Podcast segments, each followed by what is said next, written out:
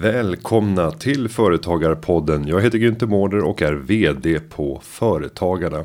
Ja, vad krävs för att uppnå rätt balans i livet och hur undviker vi att drabbas av stress och utbrändhet? Det här är vad vi kommer att prata om i veckans avsnitt av Företagarpodden. Jag hälsar dig varmt välkommen.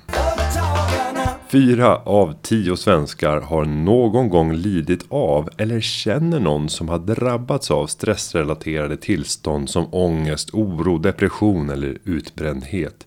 Hur ska vi göra för att vända trenden och uppnå balans i livet? Ja, det här är vad vi ska diskutera den här veckan. Kristina Ström Olsson är hälsostrateg och välfärdsanalytiker på Länsförsäkringar och den 8 maj så leder hon en breakout session på Företagarna Business Forum 2020 på Clarion Sign. Du som företagare är varmt välkommen och kan redan nu gå in och säkra din plats genom att boka en biljett. Men nu hälsar vi Kristina varmt välkommen till Företagarpodden. Tackar. Och nu är jag ju intresserad av vad var det som gjorde att du blev intresserad av att djupdyka i de här frågorna, bli expert på området? Ja, det kan man ju faktiskt fråga sig för att jag började min yrkesbana för Ja, jag har jobbat 15 av mina 25 år som statsfinansiell analytiker och då djupat i frågor kring socialförsäkring och och eh, arbetsmarknadsfrågor, pensionssystemet och skatterna. Och det vi kan se det är att eh, med den utveckling som vi har så har det ju varit rätt oroande med de senaste tio åren med ökade eh, sjukskrivningar och psykisk ohälsa. Och vi vet också att eh, arbetsmiljön är en väldigt viktig fråga. Och där kände jag någonstans att jag har ju alltid brunnit mycket för arbetsmiljöfrågorna, både som ledare och medarbetare. Och främst då utifrån det sociala och organisatoriska perspektivet. Och vi vet också med den psykiska ohälsan, som idag är den är faktiskt orsak som är vanligast när man blir sjukskriven, att det finns också mycket vi kan göra åt det. Och det här är ju inte bara en, en nationell utmaning, utan det är en utmaning globalt. Och Världshälsoorganisationen har gått ut faktiskt och sagt att psykisk ohälsa är en, den största hälso och sjukvårdsutmaningen vi har. Så att, att kunna påverka där och göra skillnad var väl det som gjorde att jag kände att jag, nej, jag vill eh, fokusera mer på hälsofrågorna. Och om vi nu går tillbaka till vad som har hänt senaste decenniet. Eh, nu sitter du ifrån ett försäkringsbolag i Länsförsäkringar och kan följa också kostnadsutvecklingen. För många nyttjar ju sina försäkringar kopplat till att man drabbas av, av de här problemen. Vad är din analys? Vad är det som har hänt och varför har det hänt? Ja, Sverige är ju känt sedan tidigare av att ha väldigt fluktuerande sjukskrivningar. Och det är ju inte så bedömer jag, att vi blir mycket sjukare och mycket friskare över tid. Utan det är många olika faktorer som spelar in. Och en faktor som har varit ganska tydlig, det är ju faktiskt när man eh, har ändrat tillämpningen. Eh, när det gäller Försäkringskassans tillämpning om att få eh, rätt till sjukskrivning eller inte. Och eh, vi ska inte förringa att det är faktiskt en helt annan vardag idag och ett arbetsliv att förhålla sig till. Allting går väldigt fort, det är ett enormt informationsflöde. Så att det är väldigt lätt att tro att man ska vara med på alla bollar och jobba 24-7 för att kunna vara nöjd med det man förväntas åstadkomma. Och mycket är det våra egna förväntningar vi skapar där. Vi är ju väldigt individualistiska i Sverige också och jag tror att man, man vill man tror lite grann att ensam är stark. Så där tror jag är en fråga vi behöver jobba med. Att vi, vi driver på oss själva kanske lite för mycket idag. Men sen så också handlar det om, om man tittar på sjukskrivningarna, hur de stack iväg då i början på 20-talet och att det nu faktiskt börjar att stabilisera sig, har sjunkit lite i vissa eh, grupper om man tittar på olika kategorier eh, i samhället. Men jag tror inte riktigt heller att vi mår mycket bättre idag, utan det är den här tillämpningen som eh, visar sig i statistiken. Och det viktiga är att vi jobbar mycket mer förebyggande i samhället och bland företag. För om man tittar på vad vi kan åstadkomma faktiskt ur ett mikroperspektiv, jobbar vi med individ och företag och främjar hälsa där och ser till att det blir tidiga insatser om det är någon som inte mår bra, så har vi så otroligt mycket att vinna på också ur, ur det makroperspektivet hela samhällsnivån med kostnader för sjukpenning och sjukvård men också sysselsättningsgraden och arbetade timmar. Och snacka om att det kommer vara en positiv effekt också på framtida pensioner. Men om vi stannar där med vad man kan göra själv och då börjar vi med perspektivet företagaren själv.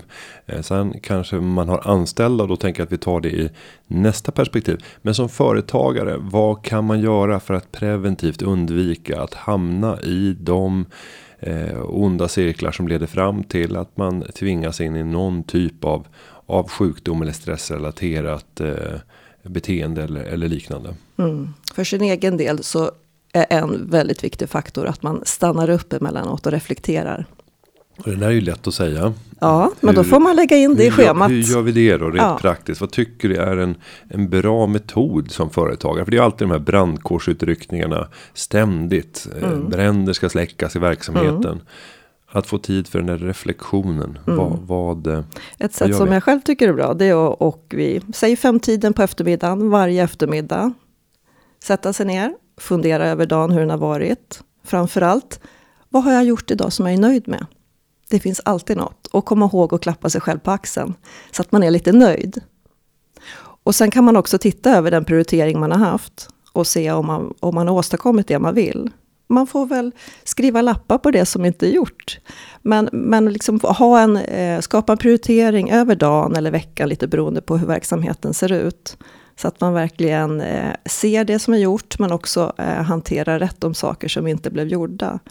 Och sen hör det också till att faktiskt ge sig själv den där återhämtningen. Och jag vet att det är jättesvårt, för man kör på och det, det, man, man älskar det man gör så att säga. Men man behöver ändå tiden för till exempel motion, lite beroende på hur du jobbar i vardagen. Sitter du ner mycket, se till att ta ett promenadmöte åtminstone, eller gå i trappen, eller gå iväg och, och få den där eh, lunchpromenaden. Den behöver inte vara lång. Och det jag hör här, det är ändå att de som har en metodik där det finns inrutade, jag ska inte säga inrutade, men det finns inplanerade punkter som syftar till att skapa återhämtning, reflektion, hitta prioriteringar. Eh, de verkar godare förutsättningar att, klara sig. Eh, sen är det tyvärr så att de flesta företagare som jag möter är inte de mest metodiska och systematiska människorna. Många är passionsdrivna mm. och har en enorm leveranskapacitet. Hur kan man eh, och det är bra. Hitta, ja, och hur kan man hitta någon som kan hjälpa er med de där metoddelarna och organisera ja. upp? Det finns ju dels, har du eh, medarbetare så handlar det mycket om det systematiska arbetsmiljöarbetet. Det handlar det också om att skapa den här systematiken, att man har en plan för det man gör. Att man har en tydlig prioritering och uppföljning. Men för egen del också att, att visa sig själv den respekten faktiskt. Att ta i den där tråkiga delen också, att ha en schemalagd del av dagen eller veckan. Där man går igenom vad, vad man verkligen vill åstadkomma med veckan. Och framförallt också inte glömma sin egen hälsa. Och om vi ska leta efter varningssignaler. Mm. Vilken företagare bör stanna upp och tänka att jag måste nog göra någon förändring nu. Vilka ja. är varningssignaler ja. att leta efter? Sömnen är såklart en av varningssignalerna. Nu är det ju inte farligt att ha dålig sömn under en period, men den perioden får inte bli för lång. Och att man eh, ser till också om, om man tappar kreativitet eh, Eh, energi, koncentration. Man märker att ens humör blir annorlunda. Ofta är det en kombination av signaler som man faktiskt kan läsa själv om man stannar upp och reflekterar och känner in hur mår jag. Men man kan också faktiskt fråga eller se på sin omgivning. Och då, då handlar det ju verkligen om att stanna upp och göra den där reflektionen. Och eh, jag vet, det är jättesvårt att förändra. Men man måste också tänka på då vilka effekter det får om man inte tar hand om sig i tid. Det är bara att se till om man har haft personal som har varit sjukskriven. När det gäller psykisk ohälsa och stress så blir det lätt långa sjukskrivningar. Och det kräver mycket i arbetsanpassning och rehabilitering. Och man får, vara, man får ge sig själv den respekten att man faktiskt förhindrar det. Om vi nu vänder på perspektivet och tittar på mig som företagare i relation till mina anställda. Vad är det jag kan hjälpa medarbetarna med för att undvika de här oönskade situationerna. Men för den delen inte tappa tempo i verksamheten. Det är ju hela tiden den här balansen. Absolut, man ska absolut kunna ha hög arbetsbelastning så högt tempo. Det viktiga för, för medarbetarna också är att känna att de dels får ta ett ansvar, att de tar ett ansvar, att de har mandat att ta det ansvaret, men att de har tillräcklig kontroll över situationen och får rätt stöd. Och det får man också se till som företagare att man säkerställer att man har ett oberoende expertstöd om man behöver bolla till exempel arbetsmiljöfrågorna, konflikthantering eller måendet. Men som ledare är det också viktigt att jobba med tydlighet. Tydlig rollfördelning, rättvist, att man är inlyssnande och visar att man finns där. Men att man också ställer krav. Man ska absolut kunna ställa krav på prestation och ha förväntningar. Men att det är ömsesidigt, så att man skapar en god dialog kring det. Så att det kan vara högt i tak och man kan diskutera frågor. Och det kan ju också vara medarbetare som behöver hjälp att prioritera ibland. Vi har alla dåliga och bättre veckor. Men jag tror också som ledare så kan man ju själv ha en dålig dag. Och då tycker jag att det är viktigt att man kan vara rak med det. Det är ganska bra att berätta att som chef är man också bara människa. För gör man det, då skapar det också eh, en bra öppen dialog och ett bättre klimat. Jag har fått något tips någon gång att eh, i sitt team försöka göra en incheckning där man bara beskriver var befinner jag mig rent eh, känslomässigt och mentalt mm. nu när vi ska gå in i den här arbetsuppgiften. Ja. Eh, är det ett bra tillvägagångssätt för att öppna upp? Ja, det tror jag absolut. Och att man har det inte bara vid incheckning utan man tar det regelbundet så att man vet lite grann vad man har varandra. För just i den här dialogen och kommunikationen människor emellan, framförallt om man har ett högt arbetstempo, så är det rätt mycket värt att veta om en person hade en dålig dag och då kanske sa lite vassare saker så har man en helt annan förståelse för det. Att inte ta det personligt utan man kreerar tillsammans under olika förutsättningar vissa dagar. Finns det några så här konkreta eh, Eh, listor som man kan förhålla sig till för att bara stämma av. Så här, det här är viktiga frågor. Jag sitter och funderar på när man, när man kommer tillbaka efter helgen. Vi är ju väldigt olika som person när det kommer till eh, vår vilja och benägenhet att både fråga vad andra har gjort och hur de mår och hur det är med familjen. Eh, och också hur villiga vi är att dela med oss av, av oss själva. Ehm, jag tror att jag lite grann är, är alltså jag, jag, har lite för lite intresse av att börja gräva i, i andra medarbetares privata liv och vad de har gjort och hur det är med familjen. Det behöver man inte göra heller. Det Eller, räcker med att du visar att du ser dem. Mm. Att du kommer ihåg att heja på alla. Och du kan säga, hur mår du idag? Eller har du haft en bra helg? Mm. Det kan räcka. Men det viktiga är att man ser varandra och att man är beredd att lyssna om det är någon som vill berätta. Men man måste inte gå igenom allas eh, schemalagda aktiviteter under helgen. Nej. Tycker inte jag. Ja, men det där är bra. Jag tror att det är många som känner igen sig i den där obalansen. Och, och antingen så är man det ena eller så är man det andra. Mm. Eh, och det blir aldrig riktigt, aldrig riktigt rätt. Om vi eh, ser någon i vår närhet som vi tror har eh, drabbats av eh, något symptom som vi inte riktigt kan ta på. Eh, men vi märker att personen inte är som den brukar vara. Eh, vad tycker du är det bästa tillvägagångssättet om jag nu är, är företagaren i relation till den här medarbetaren? Vad bör jag göra? Mm. Som företagare med den personen som medarbetare tycker jag självklart att man ska prata med personen. Mm. Sätta sig ner och, och, prata på ett naturligt sätt. Och verkar det vara någonting känsligt kan man ju se till att man inte har hela gänget runt om sig om man har fler medarbetare. Men, eh, men berätta att man finns där och lyssnar om personen vill öppna sig. Eh, är det någonting som riskerar att vara allvarligt så kring det eh, psykosociala, då tycker jag också att man ska föreslå att, eh, att man pratar tillsammans med ett professionellt stöd. Det kan ju till exempel handla om en person som har haft återkommande kortare sjukskrivningar och man ser att den här personen är på väg att, att bli utmattad fast man kanske har försökt att göra insatser också på arbetsplatsen. Men då kan man ju tillsammans eh, kontakta också vården eller professionella eh, personer som jobbar med just eh, arbetslivsplanering och så vidare och, och, diskutera den frågan där och se vad det, är, vad det är för insatser man behöver göra för att individen ska må bättre. Ibland kan det ju räcka med att individen själv eh, gör saker, men ibland behöver man ju faktiskt ett oberoende stöd. Och nu låter ju det här eh, väldigt smidigt för nu verkar båda parter vara överens om problembilden. Mm. Men om vi kommer fram till att medarbetaren har en helt annan uppfattning att det absolut inte är några problem och snarare blir taggarna utåt nästan lite höjt tonläge och, och anklagar dig som som chef mm. och företagare för att mm. vad är det här för någonting att komma och kasta det här på mig. Nu befinner vi oss i ett helt annat läge där, Mm. där insikten saknas. Ja. Vad, kan man göra i de lägena? Ja, det finns ju lite olika saker man kan göra då som ledare. Dels kan du ju faktiskt själv ta kontakt med ett oberoende expertstöd för att prata med någon som är proffs på, på de här frågorna och se är det någonting jag kan agera annorlunda på? Kan jag hantera den här dis- dialogen annorlunda? Eh, är, det, är det frågor jag missar att ställa som vi behöver för att se om man kan lösa det tillsammans? Det kan handla också om faktiskt eh, konflikter på arbetsplatsen som kräver arbetsrättsstöd, alltså jurister. Och det har ju ni bra med arbetsrättsjurister på företagarna. Eh, Men det kan ju också handla om att man behöver ta, eh, ta kontakt med till exempel en eh, eh, oberoende stöd som hjälper till med rehabilitering och olika eh, typer av behandlingar. Och här är superviktigt att individen ändå förstår eh, att eh, den behöver få hjälp att komma i balans. Så det handlar ju väldigt mycket om, det måste finnas hos individen själv också, att man vill, att man har en drivkraft till att förändra. För det är så vi kan få till de absolut bästa effekterna, att man jobbar tillsammans. Och nu har du nämnt flera gånger det här oberoende expertstödet.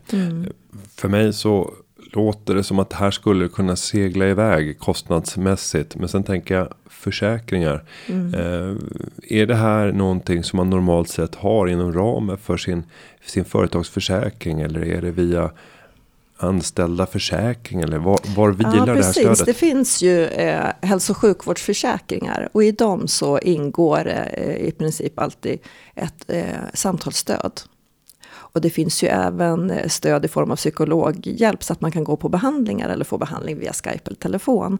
Men just det här samtalsstödet som jag tänker på i första hand när du nämner det här exemplet är ju ett eh, ett helt anonymt eh, stöd som man får då med hjälp av psykolog. Och man kan ringa ett samtal. Det går jättelätt att få eh, access till det här. Så tillgängligheten är god. Och du kan bolla egentligen vad som helst som skaver. Och det här är ingenting som kan eh, försämra mina villkor i försäkringen eller Absolut. liknande. Man kan Nej. använda det hur mycket man vill. Man kan ringa juridiska och privatekonomiska frågor också. Det viktiga för eh, försäkringsbolagen som erbjuder den här typen av tjänster är ju att man faktiskt får hjälp i tid.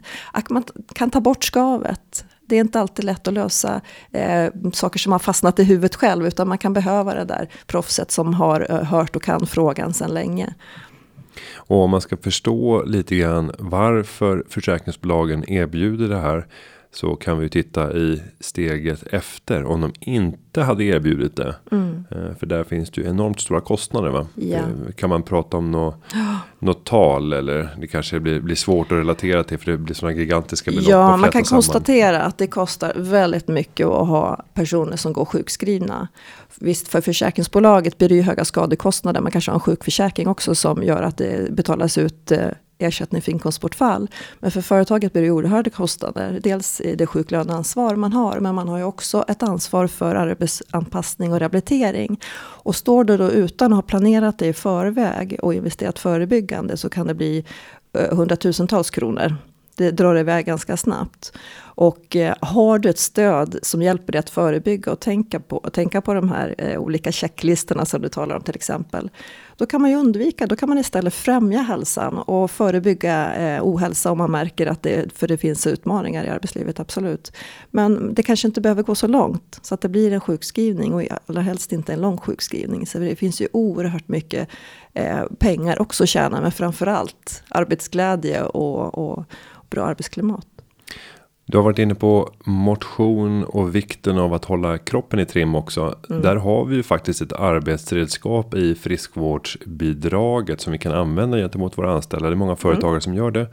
Eh, vad är det bästa exemplen på användning av det där som du har stött på? För det går ju antingen att bara säga varsågod, gå ut och teckna ett eh, gymkort precis var ni vill. Ja, Eller så kan man ju styra det där Ja. till att göra lite gemensamma aktiviteter eller har du exempel på där du tycker att det men här var ett, ett kreativt smart sätt att, att använda? Personligen är det är ju jättebra med ett friskvårdsbidrag där. Samtidigt så har jag känt mig lite eh, skeptisk. Jag tycker inte att det är det bästa redskapet om man bara eh, ser till att erbjuda det utan att försöka fånga alla de som inte redan är frälsta. För tyvärr ser man ju i statistiken att det är många av de som redan tränar som nyttjar det. Och det gäller ju att skapa de här drivkrafterna för de som faktiskt skulle behöva komma igång, kanske vill eller kanske inte vill, men alla mår bra av rörelse. Eh, så att, att skapa gemensam aktivitet aktiviteter där man ses till exempel på olika pass eller man har, eh, det kan vara tävlingar, där är det lite olika vad man tycker om tävlingar. En del älskar det och går igång fullt ut. Vi har flera sådana exempel där man har haft hälsosatsningar där man både kör träningspass, både till exempel gym om man är ute och springer tillsammans, men att man kopplar det till roliga aktiviteter, kanske en middag gemensamt på kvällen eller att man går iväg ut och gör något annat kul. Och då blir det ju helheten, så man får det här sociala sammanhanget också. Man gör kul saker ihop, det är ungefär som man är ute och träffar kompisar men man gör det med jobbet. Det, det tycker jag, man hör så otroligt mycket positivt från den typen av satsningar. Och sen belyser du den där svårigheten. Att vi alla är olika. Och mm. vissa tycker bara att det är pest när man ska åka iväg med jobbet på konferens och så vet man att massa sociala aktiviteter och teambuilding medan andra älskar det. Mm. Att hitta den där balansen är ju en, eh, ja, en, en riktigt tuff sak. Sen skulle jag vilja lyfta upp att det finns ju en hel del olika typer av eh, säga, aktivitetstävlingar och moment. Där man bygger utifrån varje unik medarbetares egna förutsättningar. Så att det handlar om att göra en liten förändring och förbättra sig 10% när det kommer till, mm. till rörlighet eller, eller andra typer av mått som man kan mäta ja. för, att, för att mäta vår aktivitet. Där man faktiskt kan gå för att göra noll. Och så ändå vara med och tävla på lika villkor som den som är närmast elitidrottare. Mm. Ja, men det är helt rätt. Stegtävlingar till exempel. Det är ju faktiskt jättebra det här med att räkna steg. Man kan tycka det är eh, torrt och trist också. Men det är ju underbart just att se förflyttningen. Och eh, vi har även exempel på där man älskar djur till exempel. Men man älskar inte idrott. Men det visar sig när man får följa upp då och berätta för varandra vad man har gjort så har man ju faktiskt rört på sig enormt mycket. Varit ute i skogen och naturen och upplevt mycket som också är lika mycket värt och det skapar lika mycket hälsa som man går in och kör träningspass. Och nu har ju även friskvårdsbidraget inkluderat sporter som tidigare har varit exkluderade. Nu vet jag inte hur väl insatt du är. Nej, det har jag inte um, riktigt koll på. Men, men, eh, jag tror att det är så att slalom och ridning och eh, golf är nu inkluderat.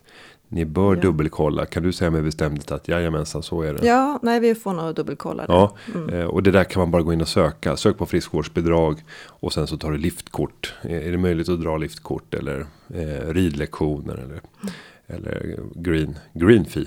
Eh, jag, tror att, jag tror att det är så. Och eh, där kan man ju fundera över. Jag är ju själv inbiten alpinåkare. Men jag vet ju samtidigt att skaderisken är ohyggligt stor när man börjar bli som jag. Eh, när man har ett huvud som fortfarande är 25 men en kropp som nu är, är kring 40. Det är bara åk. Ja, är det det? Och, och, att få eh, stimulans för att göra det och utsätta sig för risker. Och sen vet man att de om jag som arbetstagare, eh, även om jag är chef så är jag fortfarande arbetstagare eftersom jag är en tjänsteman. Blir eh, sjuk och frånvaro, frånvara från arbetsplatsen i två veckor. Ja, då har arbetsgivaren sjuklöneansvaret under den här perioden. Så är det absolut. Så att man har finansierat att jag ska åka ut på farligheter. Ja, fast man ska ju främja och kul aktiviteter som ger motion också. Ja. Det man kan tänka på när man blir lite mer åldersrik, du är inte särskilt gammal då, då men, men det är väl att faktiskt ta det här med eh, stretchingen och så på allvar. Och kanske inte hoppa ut för de häftigaste hoppen utan vara lite, ha lite risktänk där. Men man kan ju ha superkul ändå. Man behöver också tänka, tycker jag, på, på eh, vårda kroppen före och efter. Det gör ganska stor skillnad. Kanske styrke, gå in till styrketräningen igen, bygga upp musklerna, rätt muskler och så vidare. Och nu vet jag inte hur väl du följer skadeutfall och liknande. Men, men jag mm. tänker just de här idrotterna. Eh, innebandy, squash och eh, paddle nu som har blivit väldigt populärt. De snabba kasten där eh, korsbanden tar hårt stryk. Jag, Vi ser inte jättemycket av det i skadeutfallen. Nej, det, mm. Det är fortfarande rörelseapparaten och eh, operationer för höft och knä. Och så okej okay då, knä kanske kan ha lite med det att göra. Men, eh, men andra åkommor som, som ökar mer, till exempel psykologi, mm. eh, mage-tarm, mm. stress. Och den eh, 8 maj så kommer du att gå upp på en av breakout session scenerna under Företagarna Business Forum. Vad är det du kommer att skicka med de företagare som väljer att eh, komma till det här specialpasset? Ja, kommer man till det passet då får man främst höra om hur vi kan främja hälsa. Vi kommer att prata friskfaktorer. Och vi kommer att även prata eh, varningssignaler. Vad ska man tänka på? Vad är det man ska vara uppmärksam på? Och också om skillnaden mellan stress och psykisk ohälsa. För det finns faktiskt en, en viktig distinktion där. Och stress kan faktiskt vara bra under för, vissa förutsättningar också. Eh, arbetsmiljö och arbetsmiljöansvaret. Vad har individen för ansvar, alltså medarbetaren och vad har ledaren för ansvar? Eh, men också tänker jag att vi pratar om hälsoekonomi och hälsans ROI, alltså return on investment. Eh, vad det kostar med sjukfrånvaro, Vad man också har att vinna på att investera förebyggande. Och sen har jag väl tänkt att man ska få tips som företagare hur man kan ta itu med det som skaver. Så att man istället kan lägga kraft och energi på det som är roligt. Men om vi redan nu skrapar på ett av områdena som jag vet att en hel del poddlyssnare är intresserade av. Det är ju att göra investeringar idag som visar sig ha en stor avkastning i framtiden. Mm. Och då pratar du ROI, return on investment på hälsoinvesteringar. Mm. Om du ska ge oss några eh, teasers där.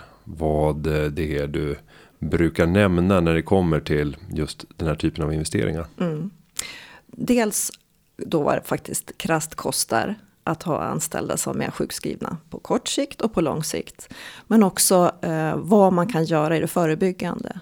Vad, genom att göra en sån här investering, vad innebär det då? Jo, det handlar väldigt mycket om vilket stöd man kan få.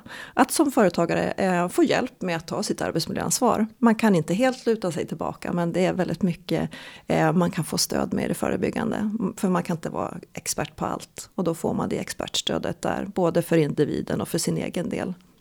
Och när man tittar just på kostnaden för sjukfrånvaron så är ju den ohyggligt stor i Sverige. Mm. Eh, den är särskilt stor i chefsglesa organisationer där varje chef har väldigt många underställda mm. i sitt eh, team. Mm. Eh, och det ser vi ju särskilt i, i offentlig sektor men det finns också större privata bolag där det här är, är stort. Mm.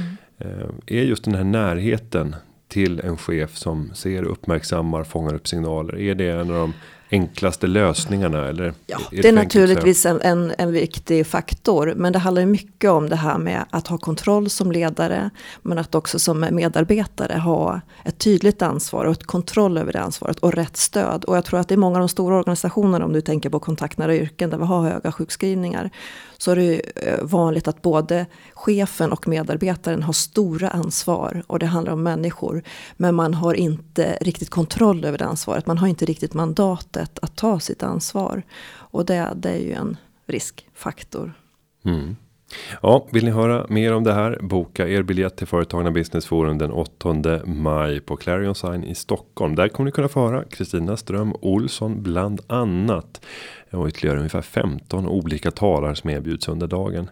Stort tack för att du kom till Företagarpodden. Tackar. Och jag ska säga att podden den har förberetts av David Hagen och klippningen den är gjord av Petra Chu. Vi hörs igen nästa vecka. Ha det så gott. Hej då. Företagarna Ja, ja, ja, ja, ja, ja. Företagarna. Ja, ja, ja, ja, ja, ja.